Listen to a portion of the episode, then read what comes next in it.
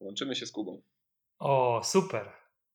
Czyli, Widać i słychać. Czyli jednak nam działa, tak, bo już się trochę martwiłem, że nie działa. Dzień dobry. Dzień dobry, Przepraszam, przepraszam za te 5 minut. W zasadzie dobry wieczór. Spoko, miło Cię widzieć, dobry wieczór. Spróbuję tylko jeden eksperyment. Czy tak mnie widać? Raczej nie. Widać Kuba, ale do góry nogami, jakbyśmy byli jednym, jednym człowiekiem. Czyli jestem w Australii. Jestem w Australii. Jakbyśmy byli kartą do gry. Tak, królem oczywiście. Dobra, Król. teraz powinno już być idealnie. Cieszę się, cieszę się, że wszystko widać, cieszę się, że wszystko słychać, cieszę się, że jesteś ze mną. Super, super. mam nadzieję, mam nadzieję i w to bardzo głęboko wierzę, że to będzie taki dosyć wartościowy live i że niektórzy ludzie tutaj coś znajdą dla siebie. Na to liczę i liczę, że, że im to przekażesz. Chciałbym, chciałbym, żeby to była wartość. Jeszcze raz dziękuję za zaproszenie i jestem bardzo ciekaw Twoich pytań. Bardzo ciekaw. Pierwsze pytanie na rozluźnienie. W ogóle y, Kuba, dlaczego Jakub B. Bączek? Dlaczego B. Bączek? Domyślam się, że to może być jakieś, nie wiem, drugie imię, nie wiem, strzelam. Tak, drugie imię po tacie. Tata ma na imię, tata żyje, więc ma na imię Bronisław. No ale o, że to jest dość długie imię, a ja czasami podpisuję książki, to skróciłem do B. Ale super, no to właśnie dobrze, dobrze się zgrywa wszystko. Dokładnie. Także Jakub Bronisław Bączek. Tutaj jest, że tak powiem, ta cała tajemnica. Tajemnica rozwiązana. E, więc tak, trener mentalny, trener motywacyjny, przedsiębiorca, mówca, inwestor. Co tam jeszcze dalej mogę wymieniać? Nic więcej, bo już się robię czerwony. E, ale my nie będziemy się skupiać na inwestycjach, nie będziemy się skupiać, bardziej będziemy się skupiać na, na, na mowach motywacyjnych i na tym, że pomagasz ludziom, bo ty przede wszystkim, Kuba, pomagasz ludziom i od tego e, zacząłeś. I ja chciałbym się zapytać, jaka jest tego geneza? Mhm. Kiedy ty zapragnąłeś pomagać ludziom? Bo wiem, że kiedyś e, grałeś w siatkówkę na dobrym poziomie, chyba Mistrz Polski też, z tego co, tak, co kojarzę. Tak. Bo tak opowiadałeś nam. Mhm. E, w jakim klubie? BBTS Włókniarz Bielsko-Biała. I Mistrz Polski z którego roku? 1999, więc już kopę lat temu. I powiedz mi, co się stało, hmm. że stwierdziłeś, nie będę już grał w siatkówkę, to, to nie jest y, moja bajka, ja będę pomagał ludziom na przykład. Wiesz, no w siatkówce to przegrałem rywalizację sportową z lepszymi zawodnikami, którzy byli wyżsi, silniejsi. Ja byłem bardzo chudy, taki typowy leptosomatyk. Myślę, że to nas łączy. Przynajmniej no, ja tak miałem, powiem za siebie. Byłem taki trochę też niezgrabny. Grałem nieźle, ale jeśli chodzi o koordynację. Ja też jestem niezgrabny. Tego bym nie powiedział absolutnie o tobie, ale ja przynajmniej kiedyś takie wyzwanie miałem.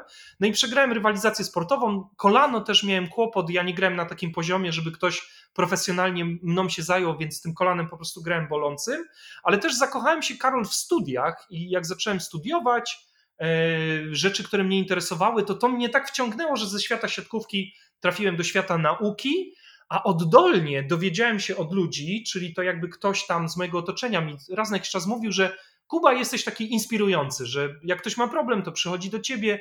No i w końcu kiedyś odważyłem się, żeby powiedzieć to głośno, że dobra, jak ktoś chce, to może ja za to zacznę brać pieniądze i może potraktuję to jako dodatkowy zawód. No i tak zostałem trenerem mentalnym.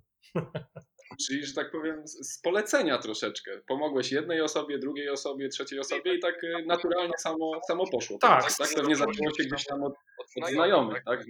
Przede wszystkim zaczęło się od rodziny, od znajomych, od kolegów z klubu, od sportowców, ale później właśnie było tak, że zaczęli już do mnie trafiać ludzie, no że tak powiem, z internetów, z Facebooka i tak dalej, może tu nawet z Instagrama ktoś się tam na mnie kiedyś natknął. No i już w formie komercyjnej, później zacząłem być zawodowo trenerem mentalnym przez parę lat trenerem mentalnym, nie coachem. Nie, nie coachem, bo coaching to jest. Z coachingiem ja mam dwa jakby wyzwania. Pierwszy jest taki, że Polacy często coaching rozpatrują jako coś takiego creepy trochę, mówiąc po amerykańsku, czyli coś takiego, co nie do końca można temu wierzyć. A po drugie, coaching, nawet w tej takiej oryginalnej wersji, dla mnie to jest za mało, bo to jest samo zadawanie pytań. Ja czasami lubię też się odezwać, więc jakbym miał tylko zadawać pytania, to wiesz, no jest ok, ale wydaje mi się, że taka aktywna forma pracy ze sportowcem czy z człowiekiem jest trochę lepsza, więc ja robię coś innego niż coaching i moim zdaniem znacznie więcej niż coaching. Okej, okay. ale trener mentalny, ale nie psycholog z drugiej strony. Nie, nie. Ja z wykształcenia jestem pedagogiem, z wykształcenia jestem trenerem siatkówki i studiowałem jeszcze filozofię. Nie mam żadnego. Jesteś trenerem siatkówki? Tak, tak, bo kończyłem wychowanie fizyczne. Super. No, także ja mam. Nawet ja nie wiedziałem. O, okej. Okay. No, ja mam papiery trenera siatkówki, stąd tam trochę jeszcze mi w głowie zostało, ale nie mam żadnych papierów psychologicznych. Jakkolwiek czasami jest tak, że ma się po prostu taką kompetencję, wiesz, do tego, żeby wyczuwać ludzi, żeby gdzieś tam z tymi ludźmi dobrze przebywać. A mi najzwyczajniej w świecie, Karol, nie chciało się już studiować kolejne 5 lat, bo te studia, które ja robiłem, trzy kierunki ja robiłem dziennie. Więc jak zrobiłem 5 lat pedagogiki, 5 lat wychowania i 3 lata filozofii, to sorry Gregory, ale w sumie po 13 latach mi się nie chciało robić kolejnego dyplomu. Z lenistwa nie zostałem psychologiem. Okej. Okay. E, ale z własnej perspektywy uważam, że to też jest fajne, bo psycholog to jest już taki, taka duża postać i jak idziesz do psychologa, to wszyscy myślą, że masz jakiś problem. Coś w tak, tym z własnej perspektywy. A trener mentalny to jest jednak taki gość, e, do którego trochę łatwiej pójść moim zdaniem niż do, niż do psychologa, bo stwierdzasz, że mhm. może jeszcze nie jest ze mną tak źle, ale i tak ten człowiek może mi pomóc. Aczkolwiek i tak musi być tutaj duże zaufanie. Jeżeli tutaj są oczywiście ludzie, a są, bo widzę i pozdrawiamy Was wszystkich, którzy tutaj piszecie i w ogóle, i zostańcie z nami do końca, bo będziecie mogli Kubie na sam koniec zadać pytania. Jeżeli będziecie mieć jakiś problem, problem e, to bezpośrednio możecie go o coś zapytać. Ja bardzo zachęcam do tego na, na, na sam koniec, żebyście, żebyście Kubie zadali jakieś pytania, bo, bo po to, to robimy, dla Was to robimy. E, ale tak jak mówię, no, głównie chodzi chyba o zaufanie, co? Ciężko sobie zbudować e, zaufanie w takim. Mhm. No jednak jesteś osobą obcą, tak? E, teraz, teraz na pewno jest już dużo łatwiej, bo jesteś znany, pracowałeś z nami, mhm. z, z chłopakami z reprezentacji. Mhm. Pracujesz z ludźmi też z pierwszych stron gazet i to nie będziemy mówić o nazwiskach, ale to są ludzie no, z pierwszych stron gazet, tak? Więc do tego zaufania przejdźmy. Mhm. Jak to zbudować? Wiesz, bardzo dobrze tutaj zauważyłeś, bardzo celna diagnoza. Może jest, tu, może jest tu ktoś, może ja tu mówię dlatego, że może jest tu ktoś, kto chce zrobić ten krok, ale na przykład się boi, albo się wstydzi, albo. Hmm. Myślę, że ty bardzo taką celną diagnozę dałeś, Karol, że w Polsce jeszcze niestety pokutuje takie trochę przekonanie, że jak ktoś idzie do psychologa albo do psychoterapeuty, to znaczy, że kurde jest nienormalny, coś z nim jest nie tak, co nie jest prawdą. Ja bardzo was zachęcam do psychologii, do psychoterapeutów, jeśli oczywiście tego potrzebujecie. A trener mentalny to wydaje się takie coś nowoczesne, nowe, bardziej młodzieżowe, bardziej takie mhm. otwarte dla ludzi. Ja też raczej jestem taką osobą, która trochę poczucia humoru ma, trochę energii. Ja to tak też, wiesz, staram się pokazywać, żeby to było dla wszystkich dostępne. I faktycznie jest tak, że do mnie są kolejki, gdzie tam do wielu psychologów wiem, że ludzie się trochę wstydzą iść. I faktycznie jednym z najważniejszych y, tak naprawdę zadań trenera mentalnego, takiego jak ja, to jest budować zaufanie, czyli dawać na przykład codziennie na tyle do, dużo dobrej wiedzy wartościowej na Facebook czy na Instagram, żeby ludzie na przykład czytając mnie przez dwa miesiące powiedzieli, kurczę, dość fajnie ten facet pisze, może ja się do niego zapiszę na sesję. Super, super. E, no ja e, z, własnej gdzieś tam, z własnego doświadczenia, tak to nazwijmy, miałem taką ciekawą historię, e, którą chciałbym opowiedzieć, która jest o tobie, bo trzy osoby, moi, moich trzech znajomych, zupełnie znajomych ludzi, których gdzieś tam poznałem, może nie super przyjaciół, super znajomych, ale trzy osoby, które nie znały się między sobą, były na Twoich mowach motywacyjnych mhm. i każda z tych trzech osób powiedziała mi, że jak wróciła do domu, to chciała zmienić swoje życie o 180 stopni. Jak, jak to się robi, chyba? Jak, jak, ty to robisz? Jak ty to dopierasz? Jak, jak chodzisz na scenę, e, jak po prostu? Ja wiem, że widzę, że jesteś facetem, który jest energiczny, który żartuje, który przeklina czasami, mhm. E, który przez to trafia, trafia do ludzi, jest taki swojski, swój, naturalny i tak też było w reprezentacji, też cię tak odebraliśmy, też na początku cię badaliśmy, badaliśmy, ale potem, kiedy cię poznaliśmy, otworzyliśmy się i ja osobiście już znam cię kilka lat i to też chyba nie jest tajemnicą, że współpracujemy, że, że gdzieś tam się łączymy, czasem rozmawiamy, ja. czasem jak mam problem, to też do ciebie się odzywam. Straciłem wątek, jak to ja. No, e, jak to, jak to było, y, jak się robi takie mowy motywacyjne? Tak, tak, jak się robi takie mowy motywacyjne, jak się trafia, trafia do ludzi, że oni po prostu wracają do domu i o, kurwa, wszystko zmieniam od tak, dzisiaj. Tak. Czasami ludzie, y, którzy mnie znają z życia prywatnego są zaskoczeni, jaki ja jestem, kiedy występuję na scenie, bo tam to ja jestem sceniczny zwierz, a czasami ludzie, którzy mnie znają tylko ze sceny, a potem ze mną rozmawiają jeden na jeden, tak jak my teraz mówią, kurde, no zwykły taki facet, no jaki to jest motywator. I we mnie są jakby takie dwa obszary. Y, ja mówię o sobie, że jestem ambiwertykiem, Czyli jak wchodzę na scenę, to jestem typowy ekstrawertyk. Jak łapię swoje flow, to czasami mam takie gadane Karol, że sam siebie zaskakuję i nie wiem do końca, co będzie w kolejnym zdaniu, ale nagle sam to wypowiadam, a potem myślę, kurwa, to dość ciekawe, co mówisz. Ale kiedy jestem w domu albo kiedy jestem jeden na jeden, to raczej jestem introwertykiem i wolę taką relację spokojną. Kiedy jednak wcielam się w rolę motywatora, bardzo mocno walczę o to, żeby ludzie byli szczęśliwi. To jest taki mój główny przekaz ze sceny, żeby wierzyli, że marzenia się nie spełniają same, że to nie spada z nieba, tylko marzenia się spełnia i cały czas im mówię, że to w ich rękach jest ich życie. I powiem ci, że kiedy mam flow, kiedy publika na to fajnie reaguje i chce tego, to faktycznie wielokrotnie jest tak, że ludzie wychodzą bardzo z taką dużą, dobrą energią, plus narzędzia mają do tego, żeby tą zmianę zrobić. Nie tylko energia, ale też narzędzia. No ja to tak czasami odbierałem jak taką twoją, twoją sektę i ty jesteś takim, takim guru ich. Coś, coś, coś nie jest. No tylko wiesz, my, my różnimy się sektą y, tym, że ja jako guru no nie mam jakiegoś tam swojego haremu zupełnie, nie pobieram kart kredytowych i robimy to bardzo etycznie i dla dobra słuchaczy. Natomiast inne elementy, to że ludzie za mną jeżdżą, to, że gdzieś tam kupują moje wizerunki, chcą autograf, no to dla, nawet dla mnie to czasami jest creepy, to jest takie trochę sekciarstwo. Ja czasami nawet żartuję, że o, sekta bączka. Ale też często mówię ludziom, że nie przychodźcie na moje drugie szkolenie, dopóki nie wdrożyliście wiedzy z tego pierwszego szkolenia, za które przecież już i tak wydaliście pieniądze. Po co dwa razy płacić? No i oczywiście niektórzy są tacy, że się uzależniają od, ode mnie czy od szkoleń i to nie jest dobre. Ja wcale tego nie chcę. Ale na szczęście większość korzysta z mojej wiedzy bardzo roztropnie i mają dobre efekty w życiu, więc potem do mnie jakoś wracają.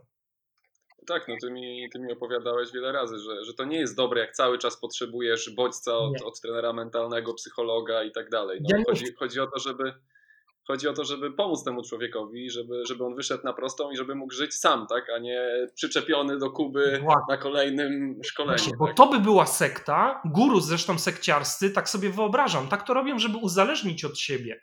Ja w dziedzinie psychologii, treningu mentalnego chcę uniezależnić, czyli chcę sprawić, żeby na przykład, nie wiem, po dwóch, trzech sesjach albo po jednym trzydniowym szkoleniu klient poczuł, kurde, spoko, Kuba mnie zainspirował, ale teraz ja biorę się za siebie i zaczynam pisać bloga. I już to robię po swojemu, bez Kuby. To jest dla mnie największa frajda, kiedy tak się dzieje. A powiedz mi, jaki przekrój e, wiekowy jest? Bo my tutaj pewnie oglądają nas młodsi słuchacze i chyba młodsi od tego, e, do których ty mówisz zazwyczaj na swoich gdzieś tam wystąpieniach. Tak. I z którymi, nie wiem, być może też pracujesz, bo ty pracujesz i osobno, pojedynczo, tak? I, i drużynowo, powiedzmy, i też y, mowy motywacyjne Tak, tak. Dla większej widowni, dla firm, dla, tak. dla dużych. Tak, tak. Teraz już dość rzadko pracuję jeden na jeden, po prostu z braku czasu. No, mam ograniczenie czasowe już oczywiste. Doba mi się kończy. Natomiast y, faktycznie czasami dawałem jeszcze do zeszłego roku takie duże wystąpienia na kilka, kilkanaście tysięcy ludzi to dość regularnie. Każdego prawie tygodnia takie duże wystąpienia robiłem. E, ale mm, teraz staram się jak najwięcej pomagać właśnie za pomocą nowoczesnych technologii, czyli social media, Facebooki, Zoomy, Skype'y, Instagramy, YouTube'y i tak dalej. No i w tym kierunku chciałbym swoją energię przenieść, żeby zobacz, robiąc tylko raz jakieś tam wystąpienie albo raz dając wiedzę, docierać do wielu ludzi jednocześnie, ale też przez długie lata, Karol. Czyli ja będę tak naprawdę odchodził od wystąpień na scenie i to bardzo mocno, natomiast będę w sieci zostawiał po sobie no jakieś tam nagrania, choćby takie jak nasza rozmowa, i mam nadzieję, że ktoś kiedyś z tego w przyszłości skorzysta. Więc jaka średnia wieku? Średnia wieku to jest mniej więcej od 30 do 45 lat, głównie kobiety głównie środowisko wielkomiejskie. Przystojny jesteś to dlatego. No, nie, chyba nie, chyba to bardziej moja wiedza, ale bardzo jest mi miło. Jeśli... To oczywiście żart. Tak, tak, tak. Jakiś tam jeden biustonosz kiedyś poleciał, chociaż to wiem, że było przygotowane. Potem się okazało, że to było przygotowane wcześniej. Natomiast zupełnie tak serio mówiąc są kobiety... Że rzucał mężczyzna. Nie, nie, nie. Rzucała taka jedna dziewczyna, ale ona to po prostu wcześniej przygotowała, żeby była beka z tego. Okay. Jeden, że tak powiem, no stanik poleciał mi na scenę, więc ja byłem tak skonsternowany, Karol, że nawet mi gadki zabrakło, chociaż na scenie to rzadko mi gadki zabraknie.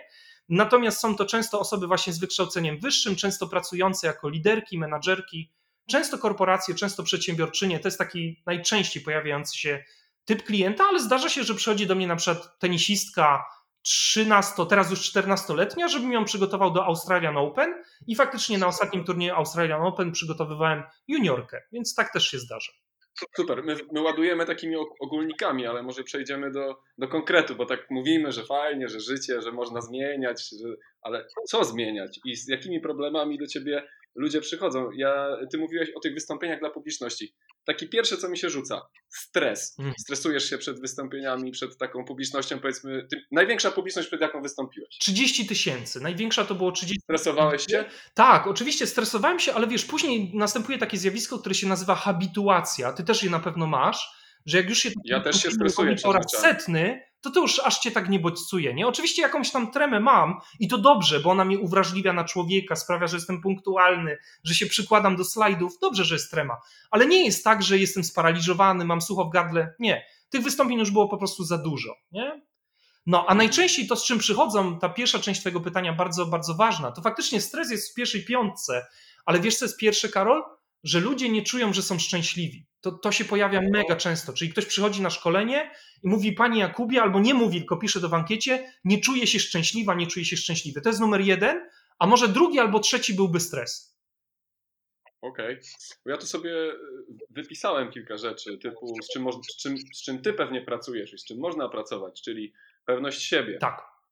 e, koncentracja, to że, to, że ludzie no, nie są pewni siebie, tak? I ja też chyba należę do tych, do tych osób, które gdzieś tam y, mają z tym problem, wbrew pozorom, Mhm. ale do tego też jeszcze przejdziemy. Kompleksy, Mhm. e, stres mówiliśmy, ale też hejt.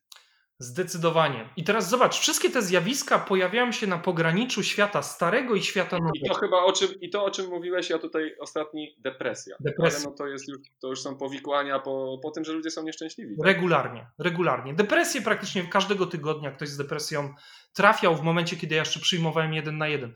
Wiesz, my tak naprawdę żyjemy na takim przełomie starego świata i nowego świata. Nasi rodzice żyli jeszcze kawałek w komunizmie i nie mieli pewności siebie, bo też nic z tej pewności siebie im nie mogło dodać, a że widzieliśmy ich jako dzieciaki codziennie i patrzyliśmy, jak oni się zachowują, no to siłą rzeczy jeszcze na pograniczu tych dwóch światów, nawet jeśli mamy kablówkę, Lidle, Biedronki, co przecznicę, my trochę pamiętamy albo mamy zapisane jakby trochę w pamięci to, jak to było kiedyś w tej komunie. I teraz, zanim będą takie pokolenia, które kompletnie nie będą pamiętały ani komuny, ani rodziców, którzy żyli w komunie, no to myślę, że jeszcze odrobinkę czasu musi minąć. To są tak zwani milenialsi. Jak oni trafią na rynek pracy, to to się skończy, ale teraz na tym przełomie jakby dwóch światów, tego analogowego i tego technologicznego, jest wiele wyzwań z pewnością siebie, więc dobrze to diagnozujesz. Faktycznie to jest jeden z tematów, który robię. E, To jeszcze przechodząc do tego, znaczy ja to widzę, widzę po sobie i widzę po chłopakach, którzy wchodzą po sobie, po chłopakach, którzy wchodzą teraz do ligi, tak? Po, po nie wiem, po pokoleniu Kuby Kochanowskiego. No to są goście, którzy wchodzą jak po swoje, nie? Oni nie mają już żadnych, oni się nie boją jakiejś tam Brazylii, oni się nie boją, no to wiesz, nie ma przed, nich, przed, przed, przed, nim, przed nimi jakiejś Hmm. obawy, nie ma, znaczy tak wyglądają, tak? Mhm. w porównaniu do, do tego naszego pokolenia, które nie wiem, wychodzisz na Brazylię i u, albo jeszcze tych, tych, tych chłopaków poprzednich. A teraz widzę, widzę, jak to się zmienia i widzę, że dlatego chyba oni tak szybko trafiają do tej ligi, mi się wydaje, że, że nie ma tego dystansu, nie? Tak, po prostu Ale potrafią wykorzystać swój, swój potencjał. Ale z drugiej strony powiem ci też, że tak szybko jak trafiałem do tej ligi, tak szybko za jakiś czas trafiałem do mnie, bo uwaga, A którzy? Żartuję. siebie z pe- z deklaracjami o pewności siebie. Czyli uwaga, współczesne pokolenie Y, do którego między innymi też ty należysz, często potrzebuje pewnych takich podpórek, ja to nazywam, do tego, żeby tą pewność siebie mieć. Czyli jeśli mam iPhone'a, ok, jeśli mam fajne ciuchy, super. Jeśli mam konto na Instagramie i codziennie serduszka, jasne. Mam fajną furę, super, jestem pewny siebie. Ale uwaga, Karol, jak się to młodemu człowiekowi odbierze, to może się okazać, że z tą pewnością siebie wcale to nie jest tak dobrze, jak on deklaruje. Bo mówi się też, że to współczesne młode pokolenie jest aroganckie, roszczeniowe, asertywne, mówi co chce. Tak, i to się wszystko zgadza. Ale zobaczcie, jak oni się zachowują po pierwszej porażce. Tu już akurat nie mówię o tobie, ty jesteś walczak, ale jest wiele takich młodych ludzi, że szef mu daje feedback w firmie, a on sobie nie radzi psychicznie i na przykład zaczyna łykać jakieś tabletki, albo zwalnia się i mówi, że to jest mobbing. A tu mu raptem ktoś zwrócił uwagę, że drukujemy dwustronnie zamiast jednostronnie, czyli to nawet nie jest krytyka. I tak na dobrą sprawę, współcześni młodzi ludzie wyglądają na pewność siebie, Karol, ale naukowe badania wskazują na trochę coś innego. Okazuje się, że to są deklaracje, a nie prawdziwy trzon, więc może te nazwiska, które wymieniłeś, to są siatkarze, którzy wyglądają na pewnych siebie, a kto wie, czy oni nie pracują z jakimiś psychologami, czy kto wie, czy niektórzy nawet nie ze mną. Pomidor. Pomidor. I tutaj przechodzę do pytania, czy wszyscy ludzie, miałem ci zadać na, na samym początku, tak na rozluźnienie, czy wszyscy ludzie, Kuba, noszą maski? Tak. Wszyscy ludzie noszą maski. Niekiedy to jest To może bardzo... nie wszyscy ludzie, tylko my nosimy maski. Wszyscy. Tak? Może bardziej. Wszyscy. Niektórzy, niekiedy to jest bardzo pożądane. Na pewno nie chcemy się przy szefie zachowywać tak, jak zachowujemy się przy małym piesku, którego dostaliśmy od rodziny. I dobrze, że niekiedy mamy maski. Kłopot jest taki, Karol, kiedy my zaczynamy maskę zawodową nosić w domu i na przykład zarządzamy dziewczyną albo chłopakiem, albo maskę miękkiej osoby przenosimy do sportu, gdzie w sporcie trzeba przynajmniej udawać, że się walczy. Przynajmniej udawać. Czyli to, że my nosimy maski, to nie jest dla mnie nic nadzwyczajnego. To jest ok i to jest nawet zdrowe. Kłopot jest, jeśli my mylimy rolę, mylimy maski, albo jakaś maska przykleja się do nas i uwaga, boli nas to, cierpimy i nadal ją trzymamy. Czyli na przykład jest taka osoba, która cierpi w cholerę, ale nie poprosi nikogo o pomoc, bo założy, założyła maskę pod tytułem to ja będę wszystkim pomagać, a może ktoś się domyśli, że skoro ja wszystkim pomagam, to mi też pomogą, ale będę udawała pewną siebie, która zawsze jest pod telefonem. I w takiej masce, jak ktoś wytrzyma 20 lat, o ile wytrzyma, można spokojnie nabawić się depresji.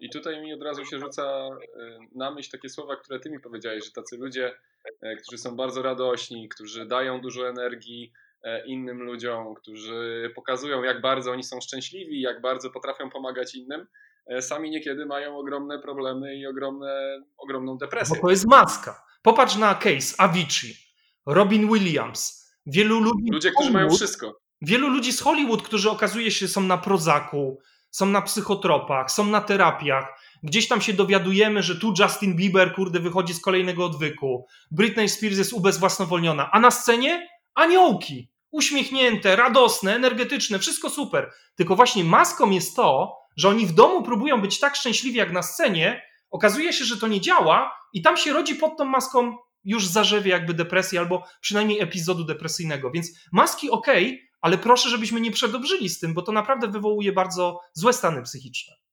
Odpowiednie maski w odpowiednim momencie, Tak, dokładnie, a nie zawsze, te, nie zawsze te same. dokładnie. E, Dobrze, to tutaj przechodzimy, bo my tak rozmawiamy, już wybiegliśmy Justin Bieber i tak dalej, ale normalni ludzie, jest tutaj powiedzmy, mamy prawie 500 osób teraz i, i cały czas się powiększa i, i zachęcamy do tego, żebyście nas odwiedzali, bo, bo fajne tematy poruszamy i Kuba fajnie tutaj to opowiada.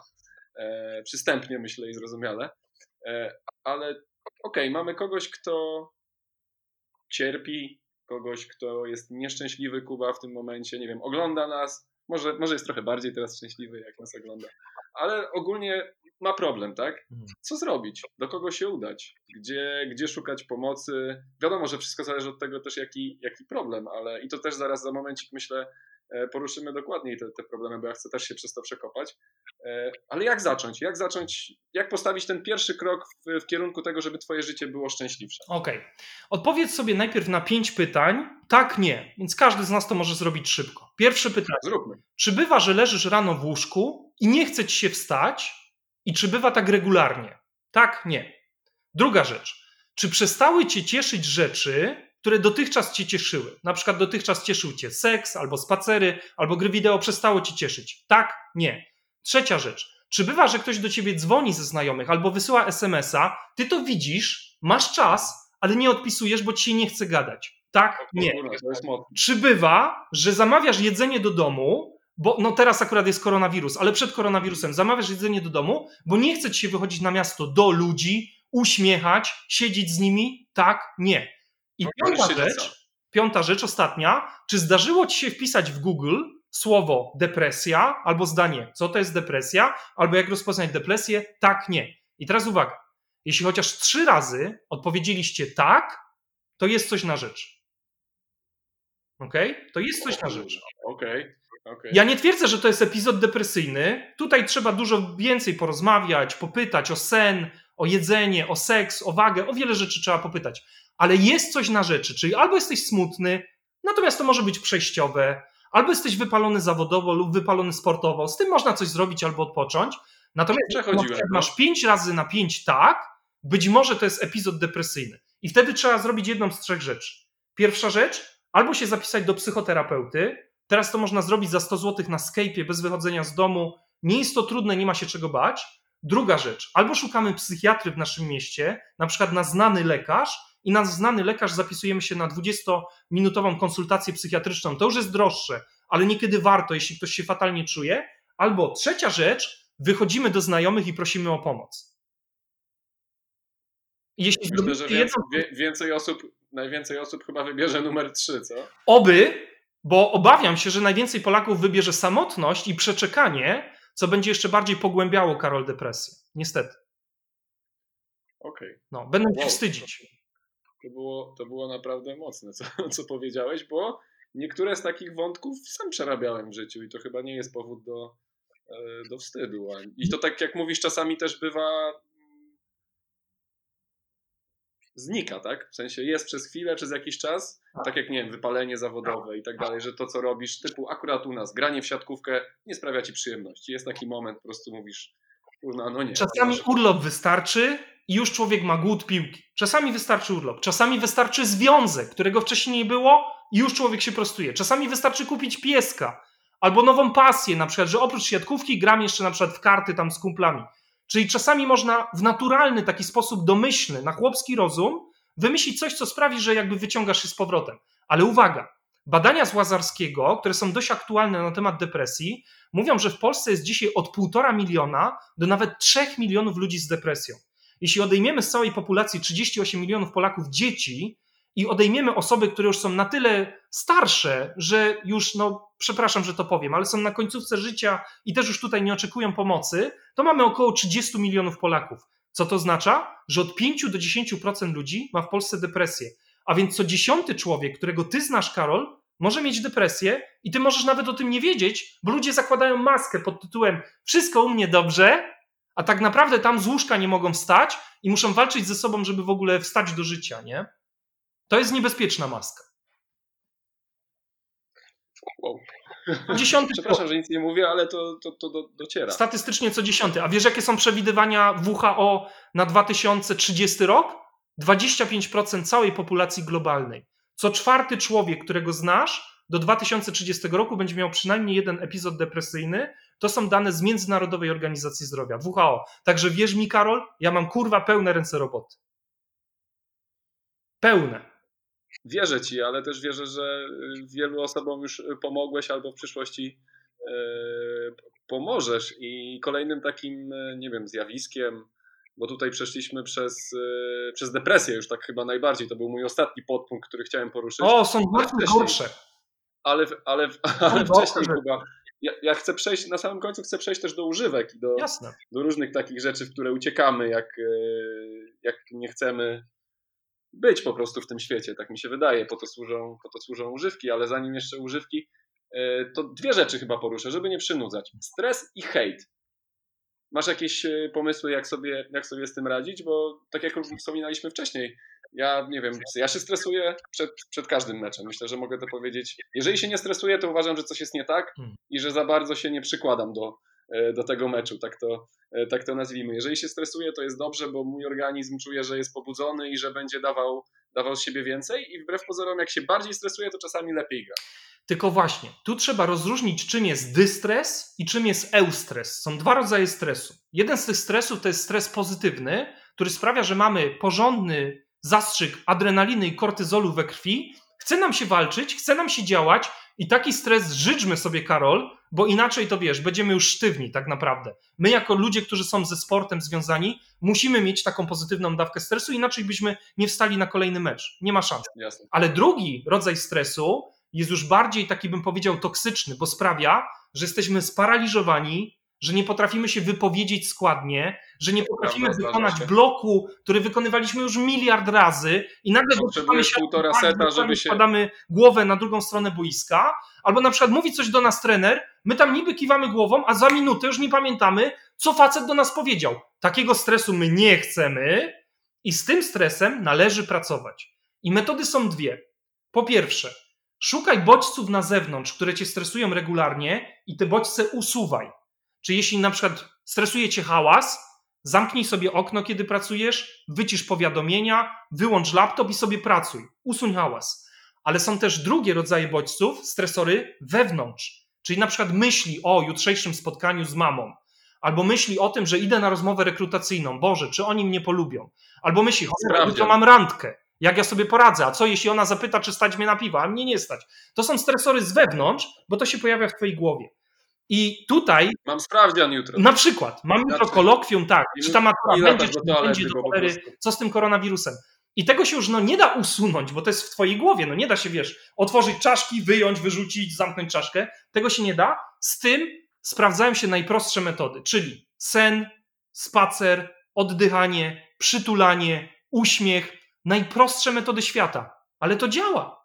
To działa. Nie trzeba się podłączać do jakiejś skomplikowanej maszyny, nie trzeba jakiegoś kaszpirowskiego, który cię zahipnotyzuje. Sen, uśmiech, przytulanie, spacery, woda, yy, rozmowa z drugim człowiekiem to są rzeczy, które naprawdę działają. Oddychanie, czyli jeśli my sobie uświadamiamy wdech i wydech, patrzymy, jak nasze ciało się zachowuje przy każdym wdechu czy wydechu, to sami zobaczycie, że po trzecim, czwartym wdechu, gdzie naprawdę się na nim skupicie, nagle gdzieś tak opadają te stresy, bo skupiamy. Okej, okay, Kuba, kon- konkretny, konkretny przykład.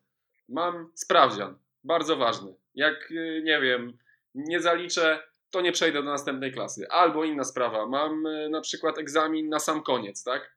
Który podsumowujący, czy maturę, nazwijmy to, matura i stresuję się przed maturą. Dobra. Co zrobić? To robimy. Co zrobić? Kuba, stresuję się tak, stresuję się tak, że generalnie przed samym, nie wiem, nie mogę spać, e, jak sobie pomyślę, to chodzę do łazienki, bo mi wierci mnie w jelitach, jakbym, nie wiem, wypił pięć kaw, i jest bardzo luźno, jest bardzo luźno to nazwijmy.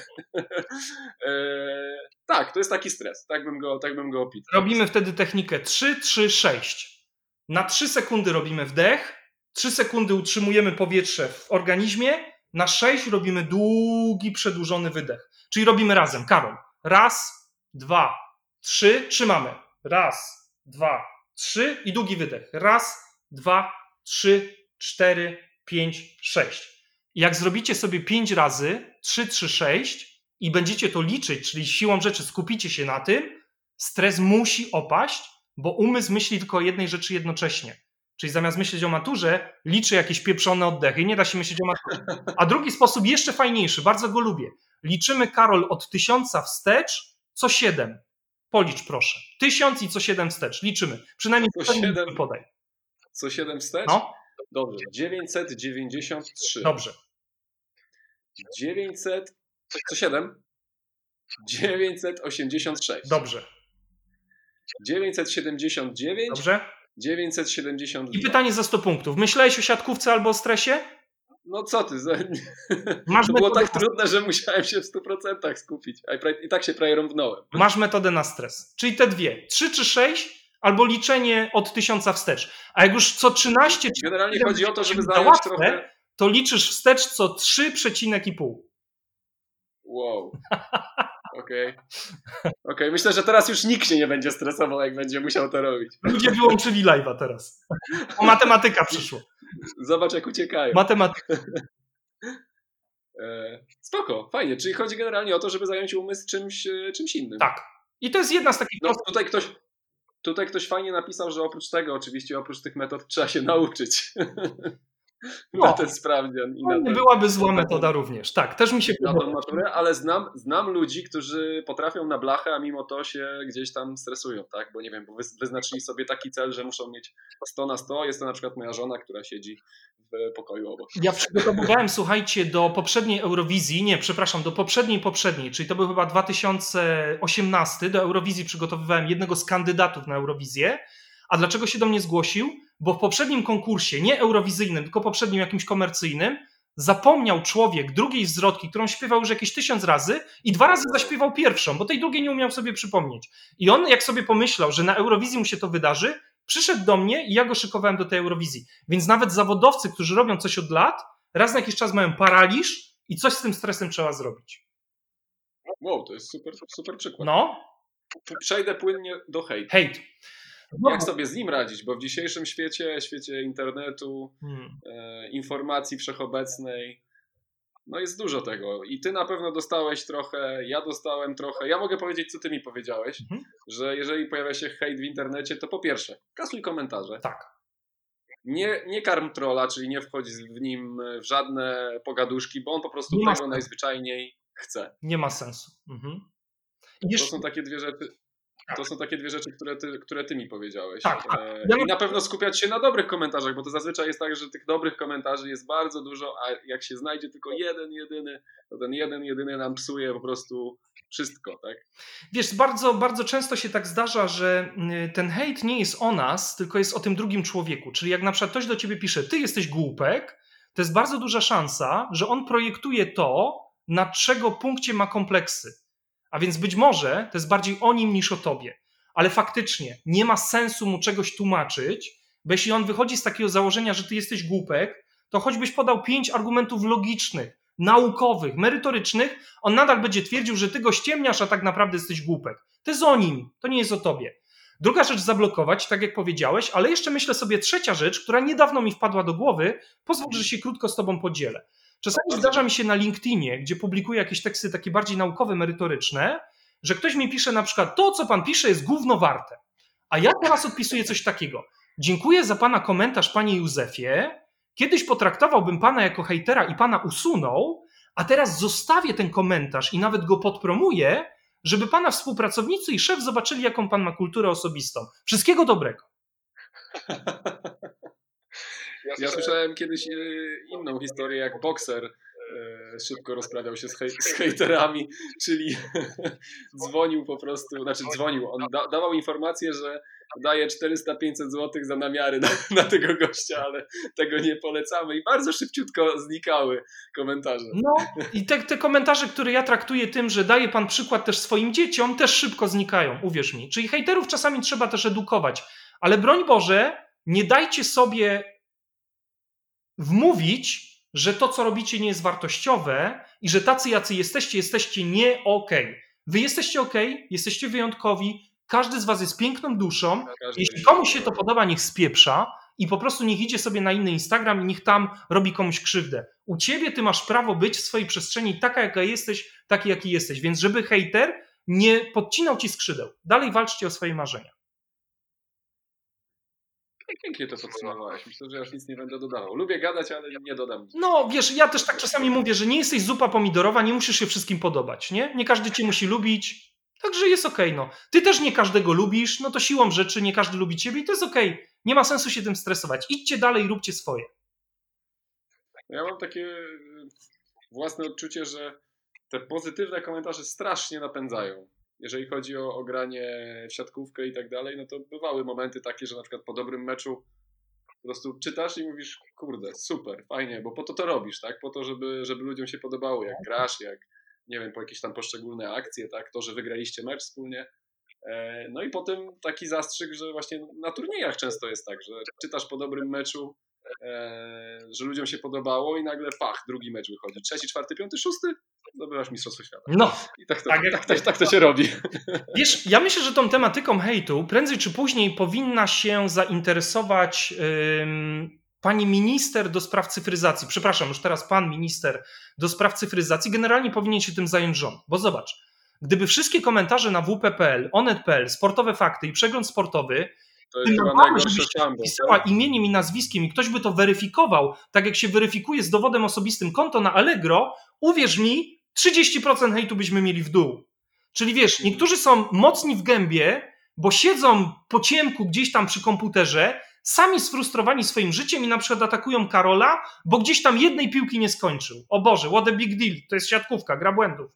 Ale gdyby on się musiał podpisać, że on się tam na przykład nazywa, nie wiem, Tomasz Kotowski, i gdyby to było weryfikowane, to ja myślę, że on by się powstrzymał z tym komentarzem, więc systemowo być może kiedyś powinien się tym zająć rząd. To jest bardzo dobry pomysł. Ja myślę, że no, ukróciłoby na pewno. Myślę, że mało by było chętnych i tak odważnych, którzy by swoim imieniem i nazwiskiem i z dowodem mm-hmm. po prostu wygadywali czasem nie? takie głupoty. A przynajmniej bo wiesz, ja nie sądzę, że będzie zero, dlatego że jak ktoś na przykład choruje na nerwicę, to on to nie jest nawet jego wina, tylko on po prostu wskutek tej choroby może cię obrażać, bo to jest jaka, jakaś taka jedyna reakcja, żeby skumulować swoją energię na zewnątrz. Więc jeśli ktoś jest chory, no to będzie hejto, hejtował. Takich ludzi też jest dużo. Ale myślę, że zmniejszyłoby to hejt u kulturalnych ludzi na co dzień, którzy wieczorami stają się hamami i atakują kogo popadnie, bo mieli zły dzień w korporacji. Takich ludzi byłoby mniej. A też wydaje mi się, że niekiedy sięgają po różne używki i po różnych używkach e, wtedy im się otwiera. Tak. Tak. I tu przechodzimy do e, Kuba używek, bo wiem, że ty też pomagałeś i pomagasz takim ludziom e, i wyciągasz ich z tego. Tak.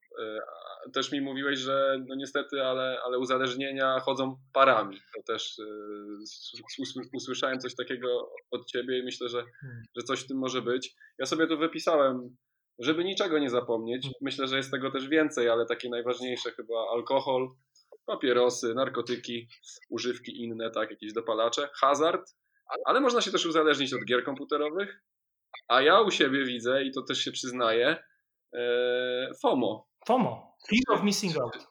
Dokładnie tak, czyli po prostu boję się, że, że stracę jakąś informację i tylko klikam między Instagramem, Twitterem, Facebookiem, TikTokiem teraz, a, a czymś innym i łapię się na tym, że, że potrzebuję tego, że, że jak odłożę telefon, to za moment sięgam i kurczę, co tam nowego i sobie mówisz, hmm.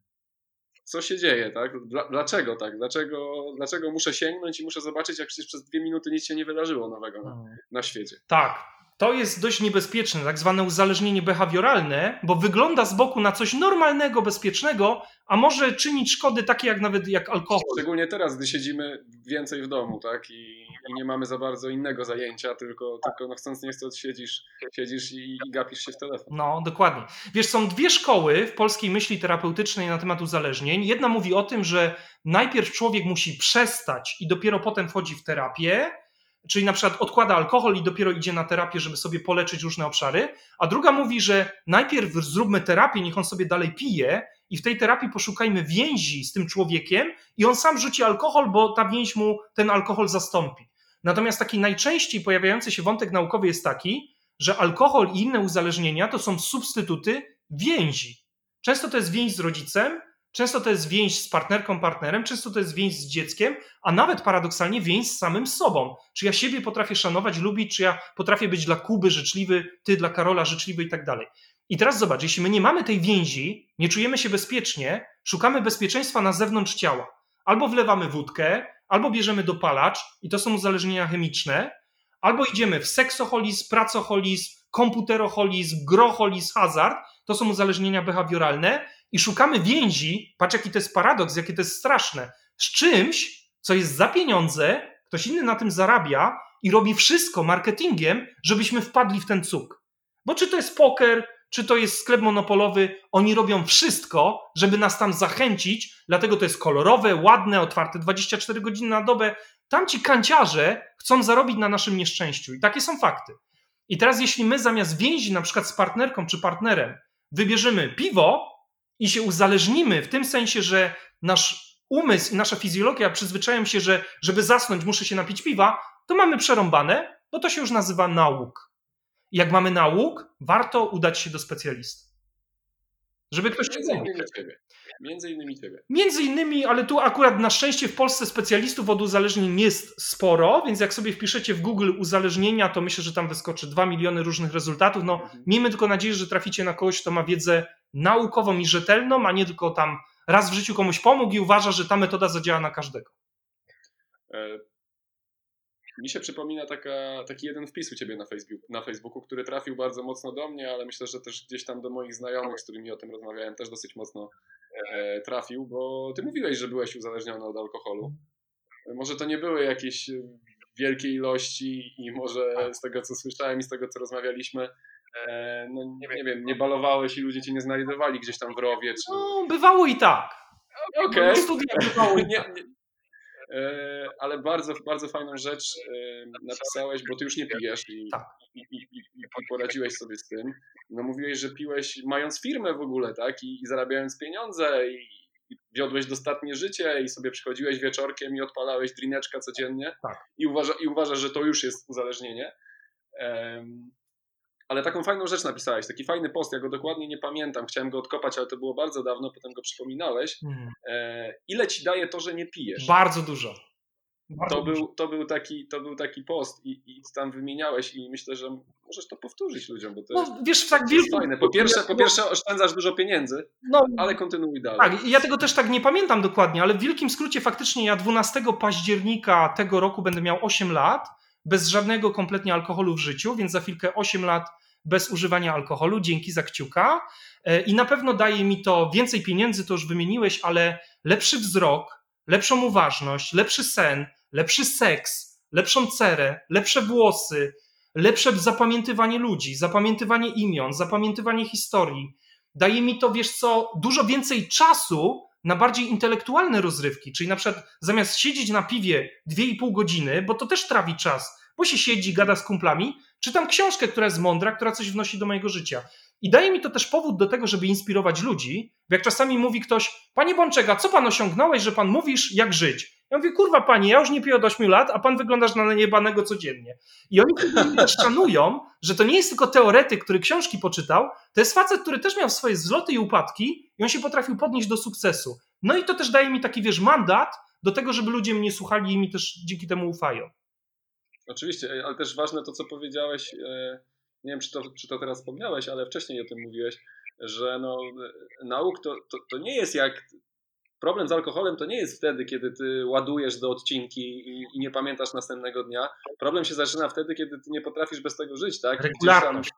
regularnie. W tygodniu sobie myślisz już, nie wiem, po pracy, że a, wrócę do domku i otworzę sobie to zimne piwko i, i będzie zajebiście, tak? tak? I czekasz na ten moment i przebierasz. Może słyszałeś... Wtedy już się zaczyna problem. Ono się coraz bardziej pojawia w prasie, ale na, niedawno nawet był film na ten temat o tak zwanych alkoholikach wysoko funkcjonujących albo się inaczej mówi alkoholik w białej rękawiczkach, czyli ona jest menadżerką, ona zarabia w korporacji 8 tysięcy netto co miesiąc, ona jeździ BM-ką na leasing i ona codziennie kończy dzień dwoma lampkami wina. Niby nic wielkiego. Tobie też się zdarza dwie lampki wina, mi się też kiedyś zdarzało. Niby nic wielkiego. Tylko, że ona tak robi od 16 lat. I to jest bardziej alkoholizm niż najebka w sobotę, a potem od soboty do soboty nie pije nic. To to pierwsze jest bardziej alkoholizmem niż to drugie. Okej. Okay. Ale za, za alkoholizmem, kurczę, to są mocne słowa i myślę, że ludzie y, trochę się otworzą, jakieś klapki. Okej, okay, może tutaj mamy choćbyśmy jednej ale może, może uchronimy. Może uchronimy je przed tym. Oczywiście, choćby jednej osobie pomożemy.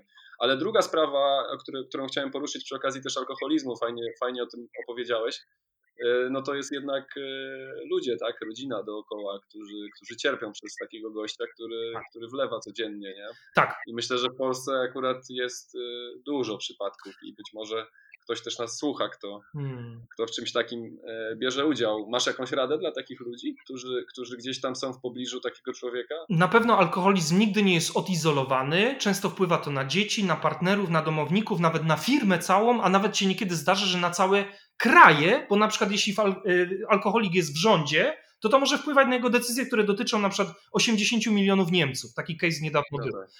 Y, natomiast na pewno poradziłbym tym osobom, które żyją z alkoholikiem, żeby po pierwsze się nie współuzależnić, czyli żeby się nie dostroić do działań alkoholika, po drugie odważnie poprosić o pomoc i po trzecie asertywnie mówić jak zdarta płyta cały czas, cały czas, cały czas, że to jest przekroczenie granic naszego związku i proszę cię, żebyś tego nie robił, nie robiła. To mało działa, ale jest lepsze niż milczenie i akceptacja. Jest taki też cytat z pana Berka, który bardzo lubię, że żeby działo się zło, wystarczy, żeby dobrzy ludzie nic nie robili. Więc jak go trochę sparafrazujemy, żeby w rodzinie był alkohol, czasami wystarczy, że cała reszta rodziny, która jest trzeźwa, udaje, że wszystko jest ok. I to już jest, słuchaj, pożywka dla alkoholizmu. Bo wtedy ten na przykład mężczyzna czuje, nikt się mnie nie czepia, ja se tam piję, dziadek Józek też pił i jeszcze, kurde, węgiel nosił na drugie piętro, nic mu nie było, dożył osiemdziesiątki, a jak się... Nie zajebiście. Tak. Więc mówcie o tym. Jeśli jest alkohol za często w swoich rodzinach, mówcie o tym głośno.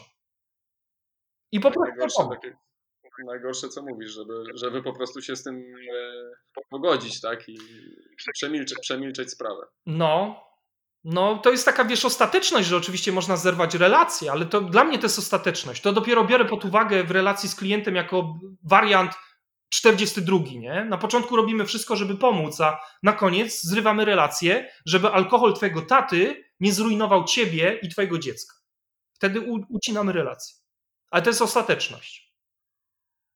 No ludzie tutaj piszą, że nie tylko alkohol. Nie tylko alkohol. Hazard, kłamstwa, mizoginia, mitomania. Bardzo dużo jest tych uzależnień. Niektóre to mają nawet takie nazwy, że część ludzi nawet nie wie co. Na przykład mitomania. Są ludzie uzależnieni od kłamstw. Czyli na przykład taki, nie wiem, człowiek, który udaje bogatego, dajmy na to, a tak naprawdę wszystko ma w długu. Samochód w leasingu, dom na długu, który już od dawna nie spłaca, złoty zegarek, który gdzieś tam od kogoś wydębił i on udaje milionera, a potem przychodzi koronawirus i on nagle w dwa tygodnie mówi, firma zbankrutowała. Ja mówię, kurwa, jak to w dwa tygodnie? To, to gdzie wy macie? Nie mam za co żyć. Nie? Zdarzałem, słyszałem o takich przypadkach. Tak, i to są tacy, wiesz, ludzie, którzy na Instagramie wyglądają na takich, że o kurde, tam z Lewandowskim je obiad i prezydentowi tam kurde, wiesz, asystuje na meczu Legii. Wszystko super, tylko jak po dwóch tygodniach w koronawirusie się okazuje, że on nie ma na ratę, wszystko odbierają mu banki. I tą BMK, i ten dom, i tą żonę plastikową, przepraszam za wyrażenie, i jego Rolexa. No i nagle się okazuje, że ten człowiek po prostu jest uzależniony od kłamstwa, czyli mitoman. To też jest uzależnienie. Wow. Grubo. I ty Dobra, takich ludzi fajnie. masz, Karol. Ty takich no, ludzi na pewno, myślę, że nie, nie, nie jednego. Którzy na leasingu wyglądają na bogatych, a są wszystko na leasingu. Wydaje mi się, że... Nie mówmy nazwisk, ten... nie mówmy nazwisk. Nie, nie, nie, broń Boże, broń Boże, nie, myślę, że bez nazwisk, bez nazwisk. No. Myślę, że ten, ten czas teraz, w którym jesteśmy i, i, cały wirus obnażył dosyć mocno y, takich ludzi. Słyszałem o takich historiach, że gdzieś tam mówili, żyli dostatnie, chwalili się, było wszystko pięknie, a nagle trzeba wyprzedawać i pomóżcie, bo, bo nie mam za co żyć. Ale jak to kuźwa nie masz za co żyć, jak jeździłeś trzy razy taką furą, jak nie wiem, jak ja, tak? A ja dalej żyję i jest, jest wszystko ok, i jakoś tam człowiek sobie poukładał. No ale też jest dużo ludzi, którzy żyją od pierwszego do pierwszego, którzy wszystko przepuszczają, tak? Masakra. I nie myślą, i nie myślą o, o, o swojej przyszłości. Masakra. Ty, Masakra. Ty też to prowadzisz, ale to może będzie temat na, na, na, na inną rozmowę, bo myślę, że jeszcze nie raz się spotkamy, bo chyba ludziom się tutaj podoba. Ja tak staram się podglądać e, komentarze.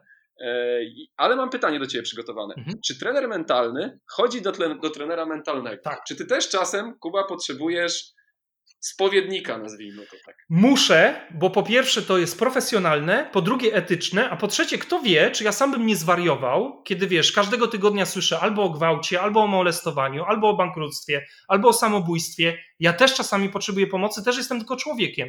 I mam tak zwanego superwajzora, właściwie superwajzorka jest to kobieta i chodzę sobie raz na tydzień, raz na dwa tygodnie, żeby pogadać o tym, co wydarzyło się w mojej pracy zawodowej w ostatnim odcinku czasu. I zazwyczaj dobieramy jakąś najtrudniejszą sesję, żeby ją omówić, czy ja tam dobrze zrobiłem, czy dobrze powiedziałem klientowi, czyli tak, mam superwajzora i dbam o to, żeby mi głowa, wiesz, nie, żeby mi woda sodowa nie uderzyła, że wszystko wiem najlepiej, tylko posilam się wiedzą różnych profesorów, różnych bardzo szanowanych ludzi w tej branży, którzy raz na jakiś czas dają mi jakąś korektę, feedback i tak jak ty masz trenera, który niekiedy zwróci na coś uwagę, ja mam superwajzora, który mówi, Kuba, z tą klientką nie naciskaj może, bo ona tej anoreksji potrzebuje, daj jej trochę czasu. Nie? To, to jest taki trener trochę dla mnie. To się nazywa w naszej branży supervisor. Ale to jest ktoś, kto jest bardziej doświadczony od ciebie? Tak, tak? tak. Znaczy w treningu mentalnym ta osoba nie jest bardziej doświadczona, ale jest bardziej doświadczona w psychoterapii i jak robimy takie właśnie trudne rzeczy, na przykład molestowanie seksualne, no to wtedy ona mi bardzo pomaga, bo ona w psychoterapii już to robiła, jak mi jeszcze na świecie nie było. Jeśli chodzi o sport, no to tu nie za bardzo mam się kogo doradzać, nie ukrywam w Polsce, ale to wtedy staram się sięgać po wiedzę ze Stanów Zjednoczonych. E, Kuba, tutaj było pytanie i to pytanie się pojawiało. Bardzo fajne pytanie, ja je spróbuję odkopać. Mhm. Boję się. Nie, nie bój się. To było bardzo miłe i bardzo, bardzo fajne, bardzo na miejscu z racji na to, że ja tu też jestem. Myślę, e, powiedzcie panowie, kiedy zacząć treningi mentalne u chłopców trenujących siatkówkę? Dziesiąty rok życia to myślę jest już w sam raz. Wcześniej nie, bo to będzie bardziej zabawa i szkoda na to pieniędzy. Ale jak już jest dziesiąty rok życia, jedenasty, dwunasty, trzynasty i tak dalej, to już można trochę pogadać o tym, jak poradzić sobie ze stresem, jak się skupić na treningu. Jak na przykład dziecko jest takie, wiecie, trochę chaotyczne, Niektórzy dają mu tą przylepkę ADHD, nie cierpię tych takich etykietek, ale no dajmy na to, że szkoła tak nazywa to dziecko ADHD, to pomóc mu trochę, żeby on się wyciszył, albo na odwrót, jeśli jest bardzo spokojny, żeby się trochę odważył. 10 lat, śmiało możecie do trenera mentalnego przysyłać dzieci, córki, y, synów, albo no nie wiem, czy mamy dziesięciolatków, raczej nie, ale jak masz 14-15 lat i nas oglądasz, tak, trening mentalny jest dla ciebie.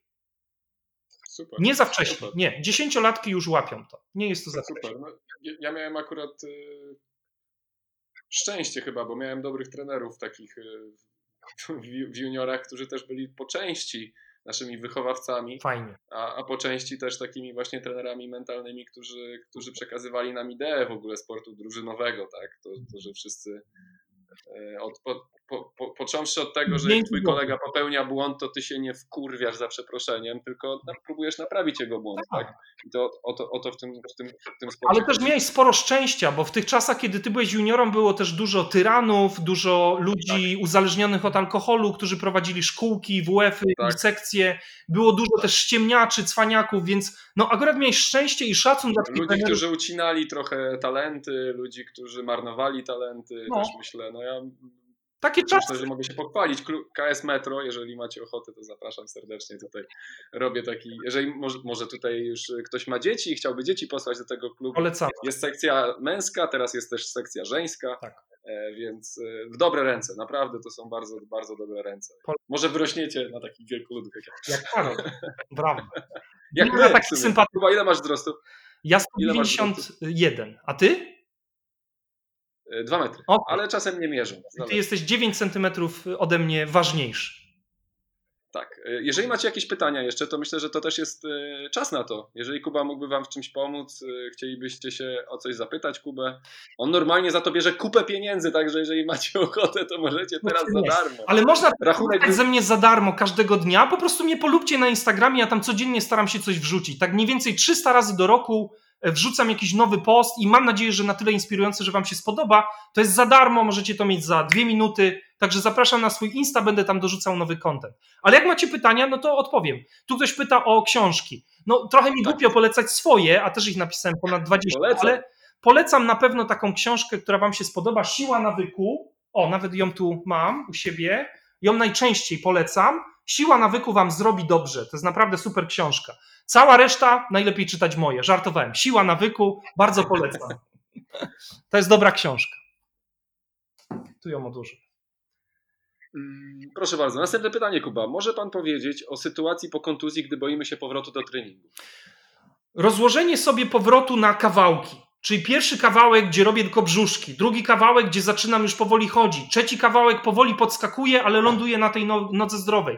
Czwarty kawałek, czyli kolejny tydzień, już robię wyskoki, ale tylko do bloku. Piąty, już wyskoki dynamiczne, czyli zagrywka z wyskoku, potem atak. Czyli rozłóżcie na kawałki, żeby nie było tak, że wy jeszcze ze stresem, nawet jak to kolano jest zdrowe, od razu napierdzielacie na siatkę w trzeci metr gwinty, kurde, do sufitu.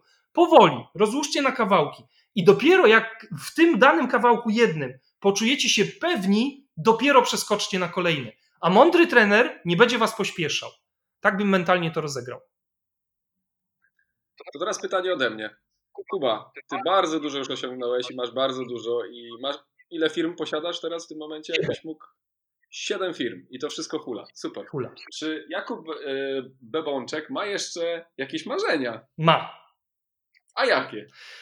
Co byś chciał jeszcze zrobić, Kuba? O których możesz, jakieś jedno marzenie, o którym możesz powiedzieć, bo to wiem, że czasem jest tajemnica i czasem człowiek się nie chce. To, to, nie, to o fundacji mogę powiedzieć. Mnie kręci fundacja. Chciałbym dotrzeć ze swoją fundacją, która już jest założona. W czerwcu będzie premiera strony internetowej do 10 milionów Polaków. Cel jest ambitny. Będziemy na to potrzebowali kupę kasy, więc będę zbierał i zarabiał na tą fundację. I myślę sobie, że jak nam się to uda, to chciałbym być mniej więcej wielkości szlachetnej paczki. Trochę to potrwa, trochę to potrwa, 3, może 5 lat, jestem na to gotowy, ale pomysł jest sztos. Myślę, że jak już to opublikuję, to będziecie wszyscy tak pozytywnie zaskoczeni, że wygląda to jak Hollywood, a to jest działanie charytatywne. Będzie wesoło, będzie energetycznie, będzie dużo ludzi i myślę, że dużo dobra sprawimy. To jest mój największy cel na teraz, działania charytatywne, bo biznes już mnie trochę zmęczy. Super, wyczerpująca odpowiedź. No mi się dobrze rozmawia. Nowa Zelandia, trzeba... taki malutki cel. Nowa Zelandia. Ty dużo podróżujesz. Dużo no podróżujesz. teraz nie. Teraz jestem tu uwięziony. No teraz nikt, teraz nikt Kuba nosem nie podróżuje. Możesz, możesz po Polsce albo nosem po mapie, dokładnie. No tak, wczoraj wróciłem z urlopu, ale w Polsce. Natomiast tak na co dzień to podróżowałem dość dużo i Nowa Zelandia jest na takiej, wiesz, mojej liście marzeń. Jak tylko samoloty ruszą, wsiadam i lecę do, do Oakland. E, to też jest chyba dobry sposób na balans, zachowanie balansu. Genialnie. Ja też to staram się, e, że tak powiem, wdrażać u siebie i im więcej jestem na wakacjach, im więcej odpoczywam, tym potem więcej sił i, więcej energii wkładam na pewno w treningi, w codzienną pracę, tak? Więc Konieczne. to, to, to jest bardzo. No, konieczne, żeby się regenerować, tym bardziej Nie wstydzić się dwa razy do roku na wakacje pojechać. trochę mało, nie? Wiem, No. ale ja nie mam czasu, Kuba. Wiem, wiem. No. Ja zawsze zachęcam sportowców i też trenerów, że kurde, pamiętajcie, to są ludzie, nie? Ja na przykład jestem wściekły na FIVB i na CF, bo oni tak naprawdę chcą zarabiać na was i najlepiej, żebyście kurwa grali codziennie po dwa mecze. Oni chyba zapominają, że wy macie żony, że wy macie dzieci, że macie pieski, że macie pasję.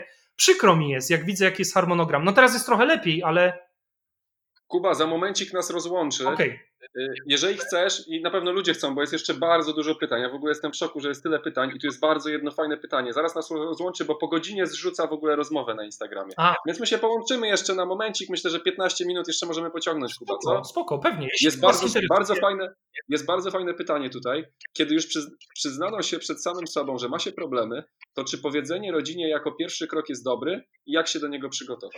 Jest to bardzo dobry krok i cały ruch anonimowych alkoholików polega na tym, że trzeba stanąć przed grupą obcych facetów i powiedzieć: Cześć, nazywam się Zbyszek, jestem alkoholikiem. I to już jest forma terapii, bo kiedy do czegoś się przyznajesz, to wreszcie możemy z tym pracować. Wiecie, co jest najgorsze? Kiedy ktoś pije od 12 lat, my mu zwracamy na to uwagę, on mówi: Ja nie mam żadnego problemu. Przecież, ja to mogę rzucić już od jutra. Czyli tak, przyznać się rodzinie. Warto. Super. E, tu było jeszcze jedno pytanie. Jeżeli nas zrzuci Kuba, to za momencik się podłączymy. Trudno, nie przerywa. Damy radę. E, tu było, ja szukam, szukam, szukam, szukam cały czas takie długie, fajne pytanie. Jest. Co zrobić, jeśli w rodzinie jest uzależniona od alkoholu? E, wie, że ma z tym problem. Nawet była ta osoba na odwyku. E, przez chwilę było dobrze i znowu niestety ta osoba wraca do swoich złych nawyków, czyli do alkoholu w tym przypadku. kochać, kochać. Nie dawać dobrych rad, nie wymagać za dużo na początku, kochać i mówić cały czas: możesz na mnie liczyć, będę cię wspierać. Jak masz problem, zamiast się napić, przyjdź najpierw do mnie, pogadamy. Ostatecznie się napijesz, bo może przegrasz, ale może rozmowa ci pomoże. Dawać takiej osobie cały czas sygnały, że jestem blisko, jestem pod telefonem. Broń Boże, głupkowate rady pod tytułem czas leczy rany, weź się ogarnij, nie bądź baba, weź się w garść. To są debilne rady. Nikt nie chce słyszeć takich rad, jak ma problem z alkoholem czy depresję, bo kochani, to są choroby. To jest trochę tak, jakbyście powiedzieli facetowi ze złamanym otwarciem nogi, weź się ogarnij, nie bądź baba, kurwa, zaraz ci przejdzie. No to jest debilne. Więc mówmy do tych ludzi, kocham cię, jestem przy tobie, jak będziesz potrzebować na twoich zasadach, przyjdź pogadać. To jest moja rada. Kochać. Ktoś tu napisał, że podobno ostatnio przedłużyli czas trwania transmisji. I chyba na to wygląda, Kuba, bo jedz- jedziemy już ponad godzinę, a dalej to leci. Dalej, Panie dalej, Karola rzeź, Kłosa. dalej rzeźbimy, a ty dalej rzeźbisz i dalej e, uzdrawiasz ludzi. No, specjalnie dla Karola. Yy, Dobrze, ja chciałem się podzielić. Kuba, oglądałeś e, The Last Dance? Oglądałem. Super. Na pewno ludzie oglądali, wszyscy wiedzą o co chodzi. Jedna rzecz, jaką byś miał wybrać z tego. Od, od początku do końca oglądałeś? Y, Nie, czwarty odcinek teraz mam przed sobą. Ale już widziałem, Aj. sporo wniosków mam. Aj, A ty byś chciał zaspoilerować, chciałem, wiesz, jedną rzecz. Ale nie wiem, czy to powiedzieć, czy nie, czy ci zepsuje. Czy... Nie, nie mów, nie mów. To jest takie ogólne. Bój się Boga, no chyba, że To ogólnie. jest takie bardzo fajne, ogólne i ja, moim zdaniem to jest taka kwintesencja sportowców i ludzi, którzy, którzy chcą grać, którzy chcą osiągać sukces. Eee, nawet sobie to zapisałem tutaj, Hmm. e, że MJ, MJ, czyli Michael Jordan, najlepszy był w tym, żeby być tu i teraz. O tak. Nie wczoraj, nie jutro. Mindfulness. On był mistrzem w tym, żeby po prostu być tu i teraz w tym momencie skoncentrowanym na tym, co ma, co ma wykonać. Nie myśleć, że nie wyjdzie, nie myśleć, że nie wyszło. Tak. Dla mnie to było po prostu, aż mam, jak myślę o tym, to, to, to mam jakieś e, no, ciary. Wiesz, no, dwie myśli mam. Ciekawe, czy by tak było. Myśl pierwsza, gdyby nie Phil Jackson, który uczył go mindfulness, to jest moja pierwsza myśl, ale druga rzecz, że Jordan miał prawdopodobnie coś w rodzaju obsesji, która może w innych warunkach niż koszykówka byłaby traktowana jako coś nienormalnego i być może, kto wie, ten facet trafiłby w kaftan, gdyby tak się zachowywał, jak się zachowywał na koszykówce w jakiejś korporacji.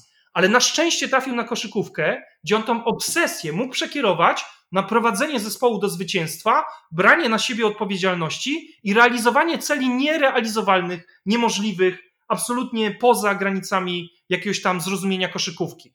I w tym środowisku jego obsesja wyszła mu na dobre. Ale jak już tylko wyszedł z hali, to ten człowiek nie był zbyt zdrowy. Powiedzmy sobie to bez spoilerów. Poza halą, ja nie chciałbym mieć, Karol, takiego kumpla. Na hali, Bóg, Bóg koszykówki, brawo. No, Poza halą, nie chciałbym mieć nic wspólnego z takim człowiekiem. Obsesja. myśl, myślę, że dużo, dużo ludzi e, ma podobne zdanie i dużo jego kumpli chyba też. Ale co do koszykówki, szacun. Naprawdę. Szacunek. Koszykówka pięknie. Wiesz, to jest tak jak Michael Jackson. Jeśli chodzi o muzykę, ja lubię tą muzykę, nie będę tego ukrywał przed wami, ale jednocześnie wiem, że jako człowiek to był zły, zepsuty facet. I ja bym nie chciał mieć takiego kolegi. Ale nie, nie oznacza to, że nie docenię, kiedy słucham, nie wiem, We Are the World, coś tam, że to jest no naprawdę dobrze zrobiona muzyka. I podobnie Jordan, koszykówka, mogę oglądać godzinami i lubię. Ale gdybym miał z tym facetem iść na piwo czy na herbatę, dziękuję. Wolę zostać sam. Ale w kosza byś pograł. No, to wiesz, zeżar po prostu na pierwszej piłce, ale popatrzyłbym z bliska, oczywiście. Bardzo chętnie. No Ja, ja uważam, że y, jest tak bardzo cienka granica w, w tym, co, co on robił na, na boisku. Cisnąć swoich kolegów tak do, do, do, do, do, do, krańca wytrzymałości, tak? No, Y, ja i myślę, że- psychicznie, i psychicznie, i fizycznie. I to jest bardzo cienka granica, bo po pierwsze musisz być naprawdę zajebisty w tym, co robisz, żeby coś takiego robić, bo widziałem takie przypadki, że ludzie się naczytali książek e, i potem chcieli być też jak Michael Jordan i, i wszyscy inni i wszystkich tam poprawiali, no ale jednak to wychodzi trochę, trochę słabo, jak, jak sam nie prezentujesz jakiegoś odpowiedniego poziomu. Tak?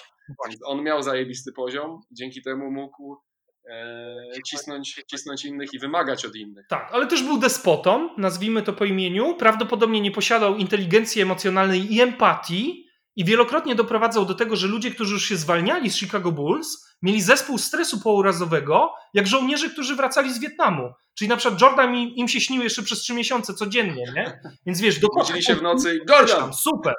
Życiowo ten facet to jest moim zdaniem świr. Chciałem powiedzieć, że czyli generalnie najprościej mówiąc spali i budzili się w nocy z krzykiem Jordan. Tak, tak.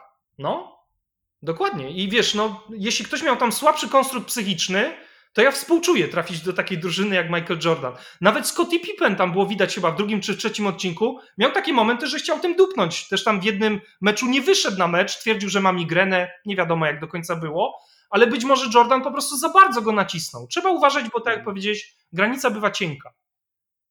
Pojawiło się w międzyczasie bardzo ciekawe pytanie.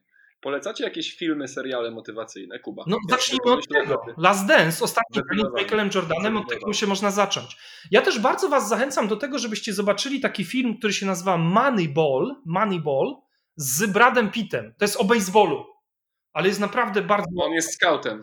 On jest scoutem i bardzo ciekawie i o motywacji, i o psychologii, i o kasie, i o relacjach. Bardzo taki, powiedziałbym, interdyscyplinarny film. Wiele fajnych y, momentów, więc to na pewno polecam.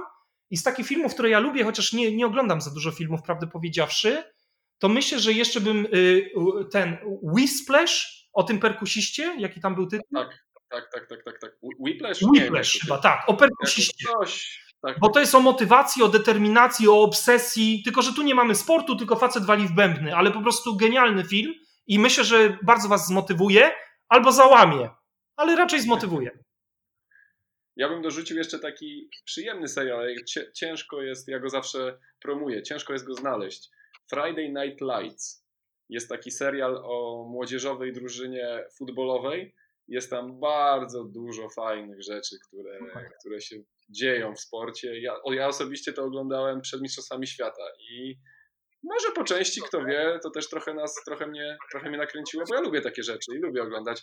Gadałem z Jurasem. Super. Juras mówi, że, Juras mówi, że e, przed walkami e, zawsze ogląda Braveheart. Brave, To jest jego takie, to jest takie, to jest, to jest, to jest jego taki po prostu rytuał, który zawsze odtwarza przed jakimiś walkami, gdzie musi się nakręcić, mówi, że zawsze leci Braveheart. ma to sens. To jest bardzo fajny sposób, moim zdaniem, żeby się nakręcić. Nie tylko fajna muzyka, nie, nie, tylko, nie tylko muzyka, nie tylko książki, ale też właśnie seriale, filmy motywacyjne. Super. Jeżeli ktoś jest freakiem takim jak, jak ja chociażby, jak my myślę, to, to na pewno coś, coś znajdzie do, dla siebie i, i pomoże mu to przetrwać gdzieś tam trudny mecz, nie wiem, trudny sprawdzian, egzamin, pracę, e, wszystko. Po to te filmy są, pewnie. Korzystajmy. Książki, filmy, mentorzy, po to to jest. Warto korzystać.